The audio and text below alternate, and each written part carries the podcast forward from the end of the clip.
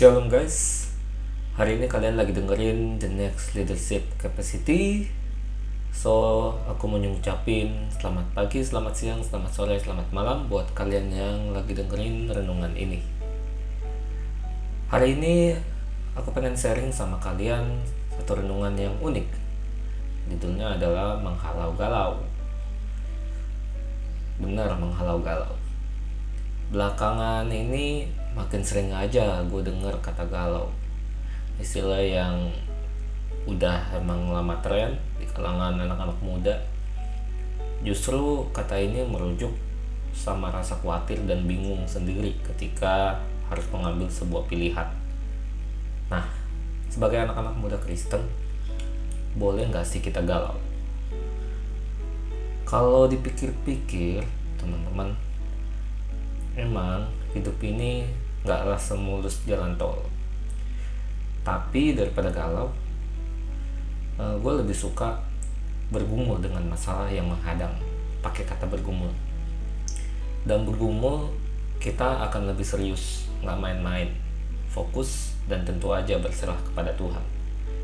Berserah bukan pasrah tapi menyerahkan setiap masalah atau pilihan kita kepada Tuhan sebagai pembuat keputusan dalam kegalauan biasanya kita cuma berputar-putar dengan pikirannya sendiri tanpa mengambil keputusan atau tindakan apa-apa.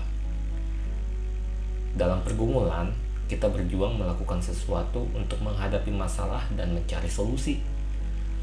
Sebagai anak-anak Tuhan, bergumul berarti mendekat kepada Tuhan, berupaya nemuin jawaban atau kehendaknya. Makin dekat kita sama Tuhan, makin peka kita dengan apa yang Tuhan ingin kita lakukan. Dan makin dapatlah kita menghalau galau tentunya. Lalu gimana caranya dekat sama Tuhan? Bayangkanlah kalau kamu ingin dekat dengan seseorang tentunya kamu berusaha PDKT dong. Berikut tiga langkah PDKT yang bisa kamu praktekkan nih untuk memulainya. Yang pertama kita harus sering-sering ketemu dan berkomunikasi. Berbicaralah kepada Tuhan lewat doa. Berdoalah dengan tekun dan sungguh-sungguh. Ceritain setiap masalah yang kita hadapi. Dia adalah pendengar yang setia kok. Dan dia juga adalah pemberi solusi yang handal. Dia juga nggak terbatas tempat dan waktu. Kita bisa datang kepadanya kapan aja dan di mana aja. Dia mengundang kita untuk mencurahkan isi hati kita kepadanya di firmannya Filipi 4 ayat 6 Janganlah hendaknya kamu khawatir tentang apa pun juga tetapi nyatakanlah dalam segala hal keinginanmu kepada Allah dalam doa dan permohonan dengan ucapan syukur. Lanjut, yang kedua, kita harus banyak bergaul dengan keluarganya.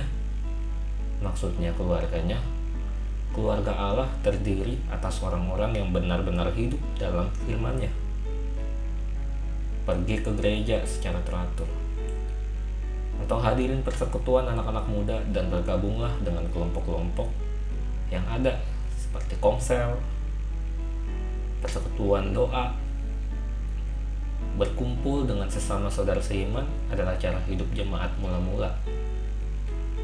Kita bisa belajar dari satu sama lain, saling nyemangatin, saling ngebangun, sehingga pengenalan kita akan Tuhan bisa terus bertumbuh. Mendengar sembarang nasihat orang bisa bikin kita tambah galau. Tapi mendengar masukan bijak dan melihat teladan dari orang-orang hidup dekat dengan Tuhan akan menolong kita membuat pilihan-pilihan yang tepat. Yang terakhir, yang ketiga, kita mesti kepo sama Tuhan dengan ngebaca firmannya tiap hari.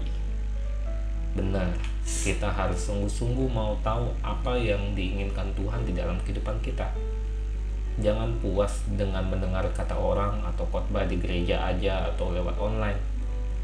Coba ambil waktu pribadi untuk bersaat teduh, membaca dan merenungkan Alkitab secara teratur. Kalau kita jarang atau bahkan belum pernah membaca Alkitab, wajar aja kalau kita galau. Karena kita nggak banyak tahu tentang Tuhan. Jangan termakan apa kata orang kalau kamu sendiri belum ngecek kebenarannya dalam Alkitab sebelum gue tutup gue pengen buat quotes nih buat kalian. Quotesnya gini makin dekat kita kepada Tuhan makin pekalah kita dengan apa yang dia ingin kita lakukan. Dan makin dapatlah kita menghalau galau. So itu aja renungan buat hari ini. Tetap semangat tetap on fire. God bless you guys